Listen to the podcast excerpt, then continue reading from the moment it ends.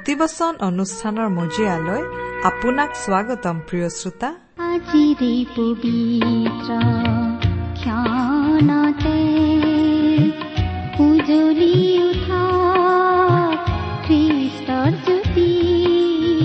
প্ৰিয় শ্ৰোতা ভক্তিবচন অনুষ্ঠানৰ আজিৰ এই নতুন কাৰ্যসূচীত আপোনাক আকৌ লগ পোৱাৰ বাবে ধন্যবাদ। বাইবেল শাস্ত্ৰৰ এই শিক্ষাসমূহে আপোনালৈ আশীৰ্বাদ কঢ়িয়াই আনিছে বুলি আশা কৰিছো। এই ভক্তিবচন অনুষ্ঠানত আমি যিজন ঈশ্বৰৰ বিষয়ে শুনিবলৈ পাওঁ তেওঁ অতি পবিত্ৰ ঈশ্বৰ। তেওঁৰ পবিত্ৰতাই ঈশ্বৰত্বৰ মহাগৌৰ। তেওঁ কেৱল নিজেই পবিত্ৰ এনে নহয় তেওঁ মানুহকো পবিত্ৰ হবলৈ সহায় কৰে। প্ৰভু যীশুখ্ৰীষ্টৰ ক্ৰুচীয় বলিদানৰ যোগেৰে পাপী মানুহৰ পাপ ধুবলৈ তেওঁ ব্যৱস্থা কৰিলে যাতে সেই বলিদানত বিশ্বাস কৰি পাপমোচন হয় আৰু পাপৰ সাগৰত ডুব গৈ থকা মানুহ পৰিষ্কাৰ আৰু সূচী হয় পবিত্ৰ হয়। অকল সেয়াই নহয় প্ৰতিদিন পবিত্ৰ জীৱন যাপন কৰিবলৈ সহায় কৰিবৰ বাবে তেওঁ পবিত্ৰ আত্মাক এই পৃথিৱীলৈ পঠিয়াই দিছে। সেই পবিত্ৰ আত্মাই আপোনাক সত্যৰ পথেৰে পবিত্ৰতাৰে চলি যাবলৈ সহায় কৰে। এই পবিত্ৰ ঈশ্বৰৰ বিষয়ে আৰু অধিককৈ জানিবলৈ আহক। আজিৰ ভক্তিবচন অনুষ্ঠান শুনো। আমি মাথো।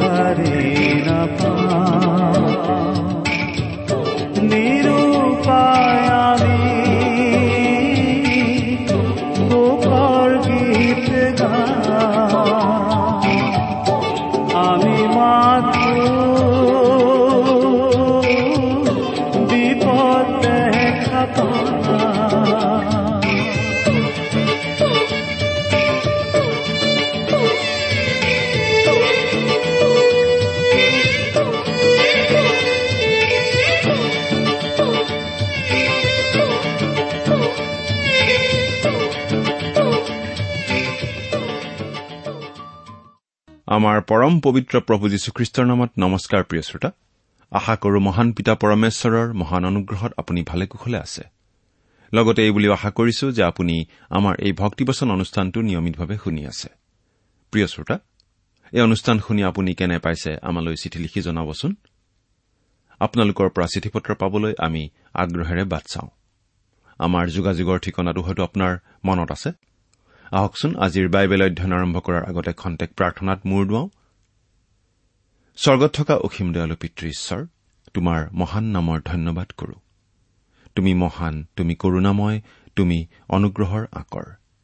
তোমাৰ অনুগ্ৰহতেই আজি আমি প্ৰভু যীশুত বিশ্বাস কৰি পৰিত্ৰাণ পাব পৰা হৈছো তোমাক পিতৃ বুলি মাতিব পৰা হৈছো। তুমি আমালৈ যিমান অনুগ্ৰহ দেখুৱাইছা তাৰ বাবে তোমাক ধন্যবাদ দি আমি শেষ কৰিব নোৱাৰো। এতিয়া প্ৰাৰ্থনা কৰিছো তোমাৰ মহান বাক্য বাইবেল শাস্ত্ৰৰ যোগেৰে তুমি আমাক কথা কোৱা। তোমাৰ মাত আমাক শুনিবলৈ দিয়া। কিয়নো এই প্ৰাৰ্থনা আমাৰ মহান ত্ৰাণকৰ্তা প্ৰভু যীশুখ্ৰীষ্টৰ নামত আগবঢ়াইছো।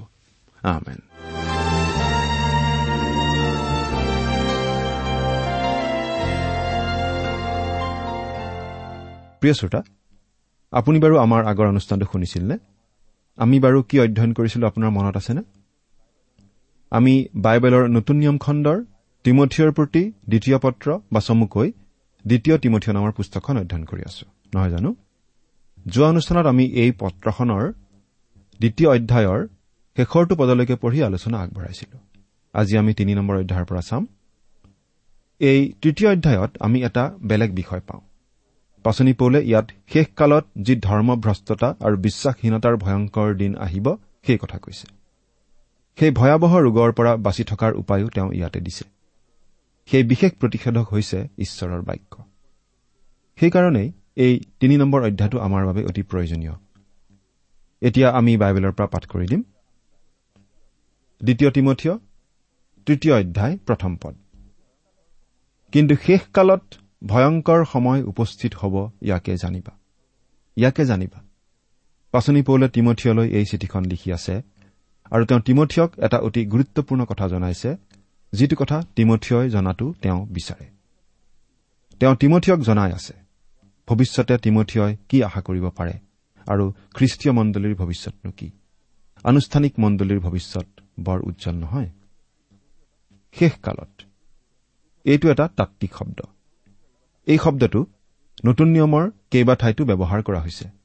ইয়াত খ্ৰীষ্টীয় মণ্ডলীক এই পৃথিৱীৰ পৰা উঠাই লৈ যোৱা ঘটনাটোৰ ঠিক আগে আগে ঘটিব লগা কথা কোৱা হৈছে।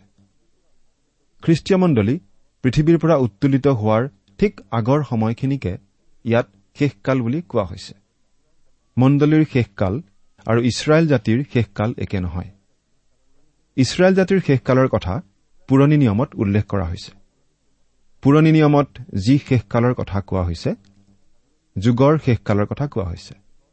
সেই শেষকালে মহাক্লেশৰ সময়ছোৱাকহে বুজায়। সেই মহাক্লেশৰ সময় মণ্ডলীৰ শেষকালতকৈ বেলেগ।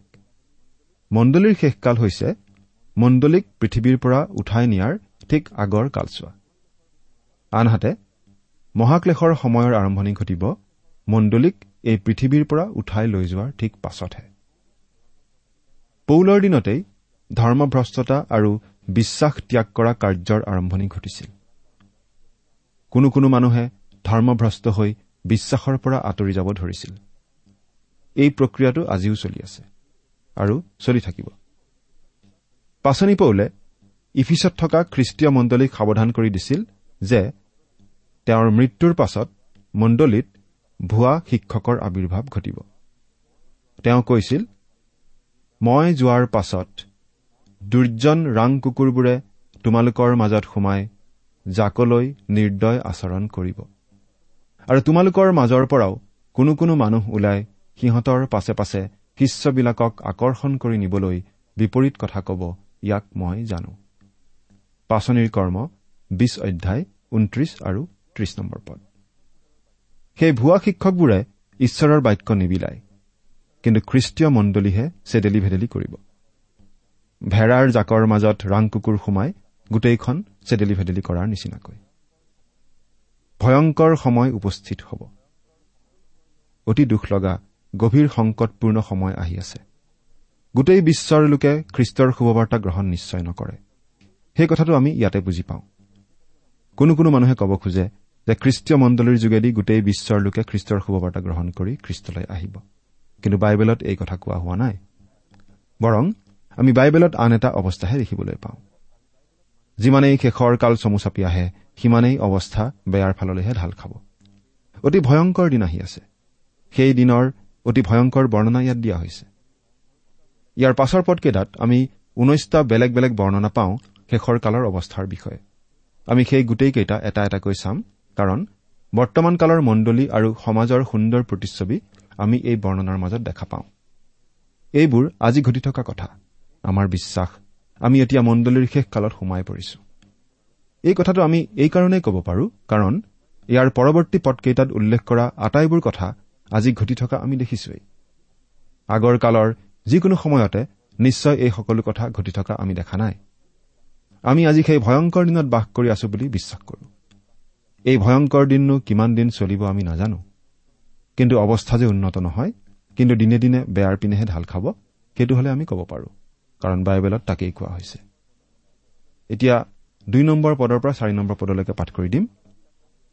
কিয়নো সেই কালত মানুহবিলাকে নিজকে প্ৰীতি কৰোতা ধন লোভীয়া দৰ্পী অহংকাৰী নিন্দক পিতৃ মাতৃক নমনা উপকাৰ নমনা অপবিত্ৰ স্নেহহীন নিৰ্দয় অপবাদক ইন্দ্ৰিয় দমন নকৰা প্ৰচণ্ড সাধুক ঘৃণাওতা বিশ্বাসঘাতক আপোন ময়মত গপাল ঈশ্বৰ প্ৰিয়তকৈ বৰং সুখপ্ৰিয় শেষৰ কালৰ অৱস্থাটো বুজাবলৈ ঊনৈশটা শব্দ বা বাক্যাংশ ইয়াত ব্যৱহাৰ কৰা আমি দেখিছো।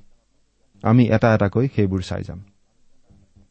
প্ৰথমতে নিজকে প্ৰীতি কৰোতা।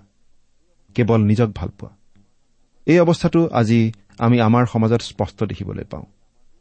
এজন সাংবাদিকে কৈছিল যে তেওঁ যোৱা বিছ বছৰৰ অভিজ্ঞতাৰ পৰা এটা কথাই বুজি পাইছে যে সমাজৰ বৰমূৰীয়াসকলে তেওঁলোকক প্ৰশংসা কৰি লিখাটোহে বিচাৰে। তেওঁলোকে সাংবাদিক তথা বাতৰি কাকত আলোচনী আদিৰ সম্পাদকক জোৰ দি কয় যাতে তেওঁলোকক প্ৰশংসা কৰি লিখা হয়। তাৰ বাবে আনকি বহুতে টকা পইচা দি ভেটি দিবলৈও চেষ্টা কৰে। ডাঙৰ ডাঙৰ মেল মিটিং আদিত আমি দেখো এজন নেতাই আন এজনক প্ৰশংসা কৰে তাৰ বিনিময়ত আনজনে ওলোটাই তেওঁক প্ৰশংসা কৰে। এই কথাটো আমি সকলো ঠাইতে দেখিবলৈ পাওঁ। আনকি খ্ৰীষ্টীয় মণ্ডলীবোৰতো আমি এনেকুৱা অৱস্থা এটা দেখা পাওঁ।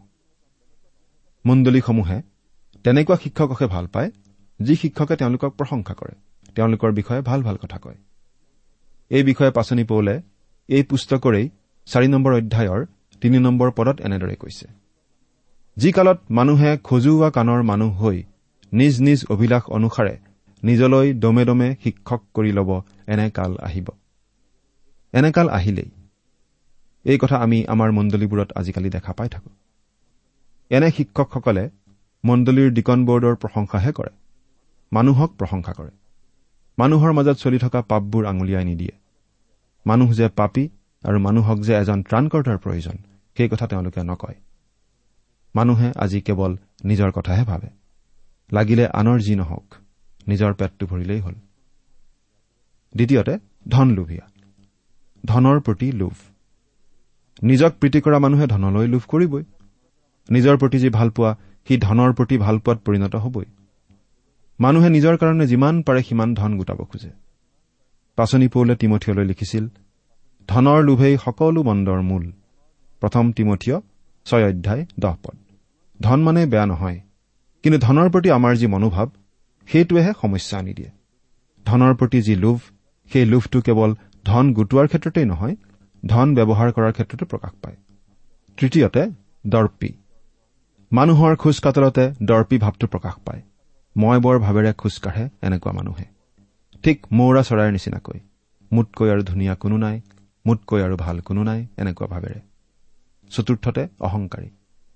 কেৱল নিজৰ কথাকৈ গৰ্ব কৰি থাকে অহংকাৰী মানুহে। অহংকাৰী মানুহ নম্ৰ হ'ব নোৱাৰে। আনৰ নেতৃত্ব মানি ল'ব নোখোজে। আৰু সমাজত বেছিভাগ সমস্যা এই কাৰণেই হয়। পাঁচ নম্বৰ হৈছে নিন্দক। নিন্দক লোকে আনৰ সমালোচনা কৰি ভাল পায়। আনৰ ভালটো নেদেখি কেৱল দুখটোহে আঙুলিয়াই দিব খোজে সদায় আনৰ নিন্দা কৰে। ষষ্ঠটো হৈছে পিতৃ মাতৃক নমনা। এই কথা বুজাই নকলেও হ'ব যে আজি আমাৰ সমাজত ল'ৰা ছোৱালীয়ে পিতৃ মাতৃক নমনা হৈছে। পিতৃ মাতৃক সন্মান নকৰা ল'ৰা ছোৱালীয়ে আনক সন্মান নিশ্চয় নকৰে ফলত চাৰিওফালে উদ্ভণ্ডালিহে আমি দেখা পাওঁ। সাত নম্বৰটো হৈছে উপকাৰ নমনা অৰ্থাৎ অকৃতজ্ঞ। বহুতো লোক আছে আনে কৰা উপকাৰৰ কথা পাহৰি যায়। ধন্যবাদ দিয়াটো দূৰৰেই কথা। আনক নালাগে নিজৰ আপোন মানুহে কৰা উপকাৰৰ কথাকেই পাহৰি যায়।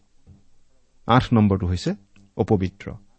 ঘীনলগীয়া কাম কাজ ঈশ্বৰৰ বিৰুদ্ধে পাপ। কথা বতৰা কাম কাজ আদিত অশ্লীলতাৰ পয়োভৰ আমি বাঢ়ি যোৱা দেখা নাইনে? ন নম্বৰটো হৈছে স্নেহহীন। মানুহৰ মাজত আজি স্নেহহীনতা অতি স্পষ্ট। কোনেও কাৰো দুখৰ কথা নাভাবে কাৰো যেন কাৰো প্ৰতি সহানুভূতি নাই। দুখত পৰা মানুহৰ প্ৰতি এটুপি চকুলো টুকিবৰো কাৰো আহৰি নাই। আচলতে এয়া মানুহৰ স্বাৰ্থপৰতাৰেই ফল। দহ নম্বৰটো হৈছে নিৰ্দয় বৰ্বৰ স্বভাৱ। আজি মানুহৰ মাজত মৰামৰি কটাকটি দিনে দিনে বাঢ়ি গৈছে। হিংসাৰ আশ্ৰয় ল'বলৈ মানুহে অকণো সংকোচ নকৰে। মানুহ হিংস্ৰ জন্তুৰ নিচিনা নিৰ্দয় হ'ব ধৰিছে। এঘাৰ নম্বৰতে অপবাদক। আনক অপবাদ দিয়া অৰ্থাৎ মিছাতেই আনৰ বদনাম কৰা। এনেকুৱা কাম কৰা মানুহৰ আজি আকাল নাই। বাৰ নম্বৰটো হৈছে ইন্দ্ৰিয় দমন নকৰা। মানুহৰ মাজত আজি আত্মসংযম হেৰাই গৈছে। বেছিভাগ লোকেই মাংসিকতাত মত্ত হৈ পৰিছে। তেৰ নম্বৰটো হৈছে প্ৰচণ্ড। মানুহ আজি পাষাণ হৃদয়ৰ প্ৰচণ্ড ভয়ংকৰ স্বভাৱৰ হৈ পৰিছে। শুধৰণি নামানে সহজ পৰামৰ্শ নামানে। নিজৰ যি খুচি তাকেই মাত্ৰ কৰিব খোজে। চৈধ্য নম্বৰটো হৈছে সাধুক ঘীনতা আগৰ কালত সৎ সাধু লোকে সমাজৰ পৰা সমাদৰ পাইছিল সন্মান পাইছিল। আজিকালি কিন্তু তেনেকুৱা লোকক ঘীন কৰা অত্যাচাৰ কৰা লোকহে বাঢ়ি গৈছে। পোন্ধৰ নম্বৰটো হৈছে বিশ্বাসঘাতক। বিশ্বাসঘাতকতা কৰাটো আগৰ কালৰ মানুহে খুব লাজ লগা কথা ভয়ংকৰ অপৰাধ বুলি গণ্য কৰিছিল। আজিকালি কিন্তু মানুহে বিশ্বাসঘাতকতাহে বেছিকৈ কৰে। স্বয়ং বৰমূৰীয়াসকলে আজিকালি ৰাইজৰ প্ৰতি বিশ্বাসঘাতকতা কৰে। মানুহে আজি কথা দি কথা নাৰাখে।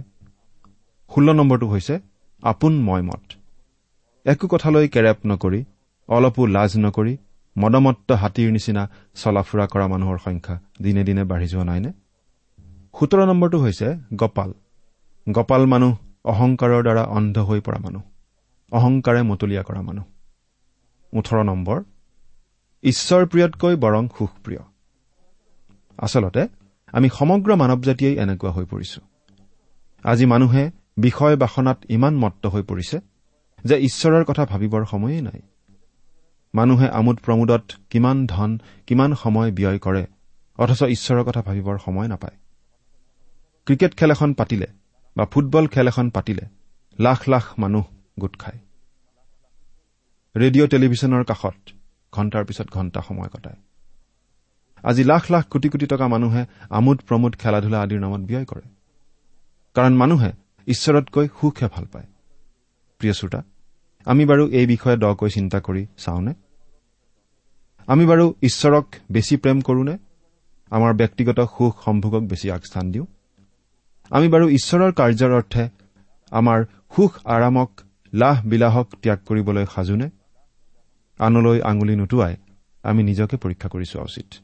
আমি নিজেই বুজি পাম আমাৰ অৱস্থা কি। পাঁচ নম্বৰ পদটো পঢ়িছো।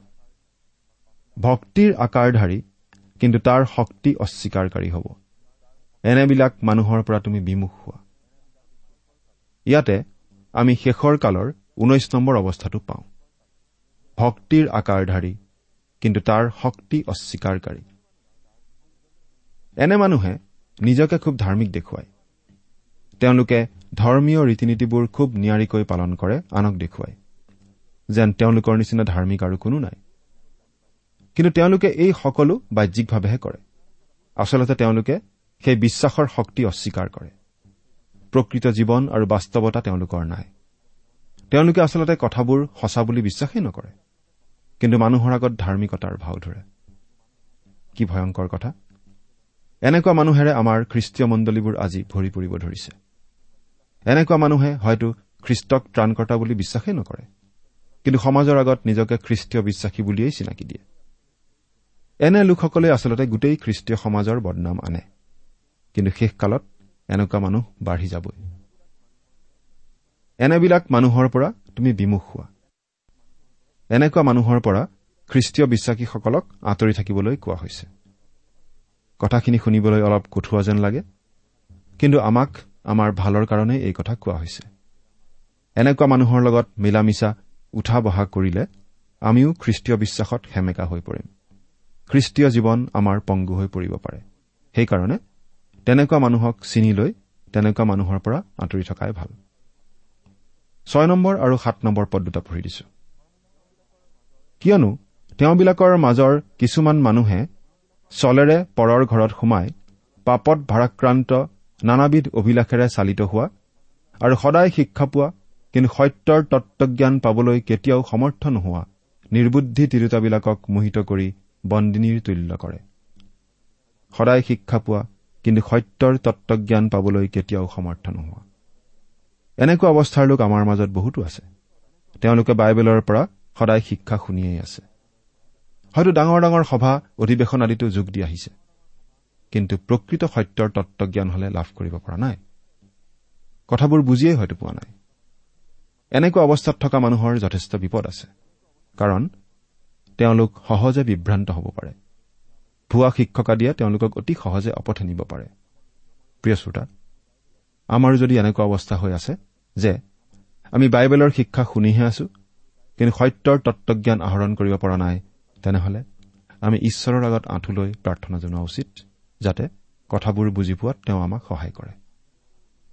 এতিয়া আঠ নম্বৰ পদটো পঢ়ি দিছো। যেনেকৈ জান্নী আৰু জাম্ৰিয়ে মুচিৰ প্ৰতিৰোধ কৰিছিল তেনেকৈ মন ভ্ৰষ্ট আৰু বিশ্বাসৰ সম্বন্ধে অপ্ৰমাণিক এই মানুহবিলাকেও সত্যতাৰ প্ৰতিৰোধ কৰে।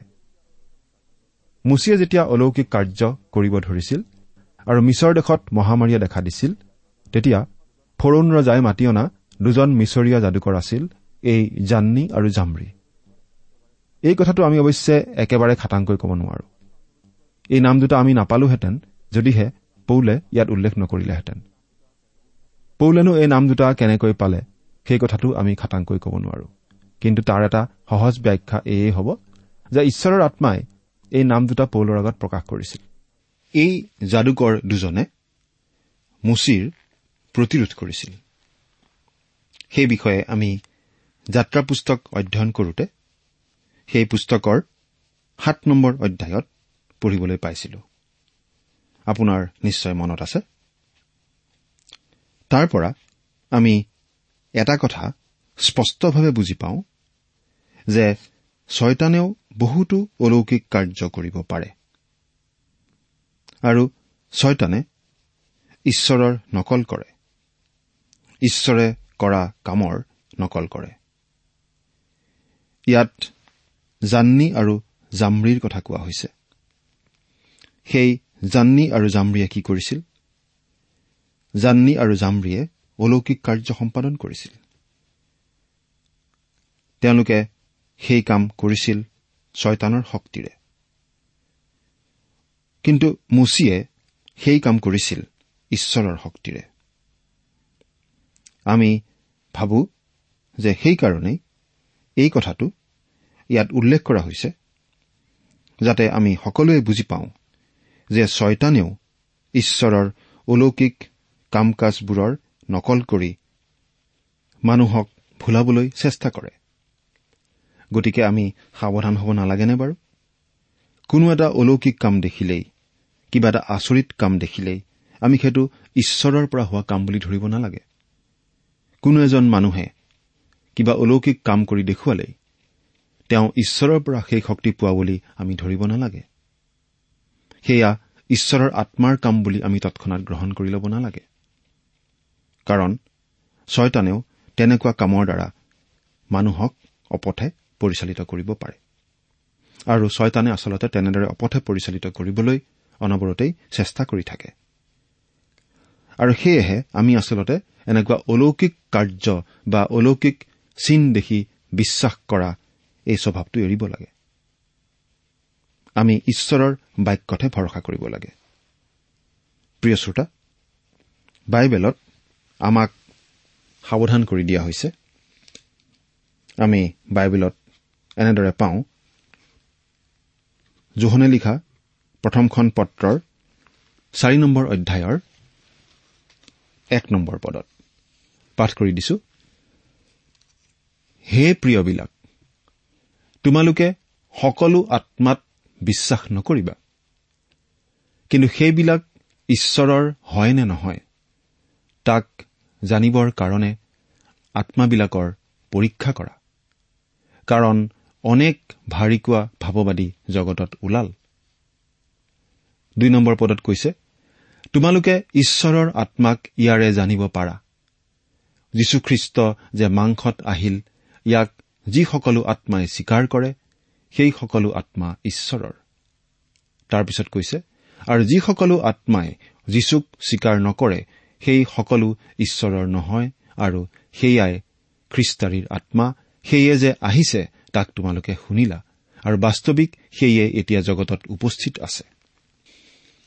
প্ৰিয় শ্ৰোতা সেই সময়তেই অৰ্থাৎ পাচনি জোহনৰ দিনতেই খ্ৰীষ্টাৰীৰ আত্মা জগতত প্ৰকাশ পাইছিল। আমি অতিশয় সাৱধান হোৱা উচিত নহয়নে বাৰু? কোনো অলৌকিক কাৰ্য দেখিলেই সেয়া ঈশ্বৰৰ কাম বুলি আমি পতিয়ন যাব নালাগে। সেয়া ছয়তানৰ কামো হ'ব পাৰে আমাক ভুলাবলৈ। জান্নী আৰু জামৰিয়ে মচিক প্ৰতিৰোধ কৰাৰ নিচিনাকৈ ভক্তিৰ আকাৰধাৰী কিন্তু তাৰ শক্তিক অস্বীকাৰকাৰী এই লোকসকলেও প্ৰকৃত সত্যক প্ৰতিৰোধ কৰে। কিন্তু এই লোকসকল প্ৰকৃততে মন ভ্ৰষ্ট আৰু বিশ্বাসৰ সম্বন্ধে অপ্ৰমাণিক। এই লোকসকলে আচলতে বিশ্বাস পৰিত্যাগ কৰিছে। এই কথা আচৰিতজন লাগিলেও সত্য যে আজি আমাৰ খ্ৰীষ্টীয় সমাজতেই নিজক খ্ৰীষ্টীয় বিশ্বাসী বুলি চিনাকি দিয়া এনে বহুতো লোক আছে যিসকলে প্ৰকৃততে বিশ্বাস পৰিত্যাগ কৰিছে। তেওঁলোকে খ্ৰীষ্টৰ প্ৰকৃত শুভবাৰ্তাৰ প্ৰতিৰোধহে কৰে। প্ৰিয় শ্ৰোতা আমি সাৱধান হ'ব লাগে যাতে আমি এনেকুৱা মানুহৰ দ্বাৰা ভ্ৰষ্ট নহওঁ। এতিয়া ন নম্বৰ পদটো পাঠ কৰি দিব খুজিছো। কিন্তু তেওঁবিলাক অধিক দূৰ আৰু আগবাঢ়ি নাযাব কিয়নো সেই দুজনৰ দৰে এওঁবিলাকৰো মূঢ়তা সকলোৰে আগত প্ৰকাশিত হ'ব। কিন্তু সেই বিশ্বাস ত্যাগ কৰা লোকসকল বেছিদিন লুকাই নাথাকে। তেওঁলোকৰ প্ৰকৃত স্বৰূপ প্ৰকাশিত হবই। কাৰণ খ্ৰীষ্টৰ প্ৰকৃত বিশ্বাসীজনক কোনেও প্ৰতিৰোধ কৰি ৰাখিব নোৱাৰে। খ্ৰীষ্টৰ শুভবাৰ্তাক কোনেও প্ৰতিৰোধ কৰি ৰাখিব নোৱাৰে। প্ৰকৃত সত্য জিলিকি উঠিবই। প্ৰকৃত বিশ্বাসীক মানুহে চিনি পাবই। এতিয়া নহলেও অন্ততঃ প্ৰভু যীশুৰ আগমনৰ সময়ত প্ৰকৃত বিশ্বাসী কোন কোন সেই কথা প্ৰকাশ পাই উঠিবই। কাৰণ প্ৰভু যীশুৱেই তেওঁলোকক পৃথক কৰি ল'ব। প্ৰিয় শ্ৰোতা আপুনি বাৰু প্ৰভু যীশুক প্ৰকৃত অৰ্থত বিশ্বাস কৰেনে? আপুনি বাৰু প্ৰভু যীশুৰ আগমনৰ সময়ত কোনো সংকোচ নকৰাকৈ তেওঁৰ আগত থিয় হ'ব পাৰিবনে? এবাৰ চিন্তা কৰি চাওকচোন। ঈশ্বৰে আপোনাক আশীৰ্বাদ কৰক। ইমান পৰে আপুনি বাইবেল শাস্ত্ৰৰ পৰা ঈশ্বৰৰ বাক্য শুনিলে। এই বিষয়ে আপোনাৰ মতামত জানিবলৈ পালে আমি নথৈ আনন্দিত হ'ম। আমি প্ৰস্তুত কৰা বাইবেল অধ্যয়নৰ চিডিসমূহ পাব বিচাৰিলে আৰু অনুষ্ঠানত প্ৰচাৰ কৰা কোনো কথা বুজিব লগা থাকিলেও আমালৈ লিখক। আমাৰ যোগাযোগৰ ঠিকনা ভক্তিবচন ট্ৰান্সৱৰ্ল্ড ৰেডিঅ' ইণ্ডিয়া ডাক বাকচ নম্বৰ সাত শূন্য গুৱাহাটী সাত আঠ এক শূন্য শূন্য এক। ঠিকনাটো আকৌ এবাৰ কৈছো ভক্তিবচন ট্ৰান্সৱৰ্ল্ড ৰেডিঅ' ইণ্ডিয়া ডাক বাকচ নম্বৰ সাত শূন্য গুৱাহাটী সাত আঠ এক শূন্য শূন্য এক। আমাৰ ইমেইল এড্ৰেছটো হৈছে Assamese T TV at the rate radio' eight eight two dot com আমাৰ website W W W dot T W R dot in আপুনি টেলিফোনৰ মাধ্যমেৰেও আমাক যোগাযোগ কৰিব পাৰে। আমাৰ টেলিফোন নম্বৰটো হৈছে nine eight five four zero' four zero' eight eight nine phone নম্বৰটো আকৌ এবাৰ কৈছো ন আঠ পাঁচ চাৰি শূন্য চাৰি শূন্য আঠ আঠ ন। আপুনি এই ভক্তিবচন অনুষ্ঠানটি আমাৰ website W W W dot radio' eight eight two dot কমতো শুনিব পাৰিব। আজিৰ অনুষ্ঠানটি ইমানতেই সামৰিছো। ঈশ্বৰৰ শান্তি আৰু অনুগ্ৰহ আপোনাৰ লগত থাকক। ধন্যবাদ।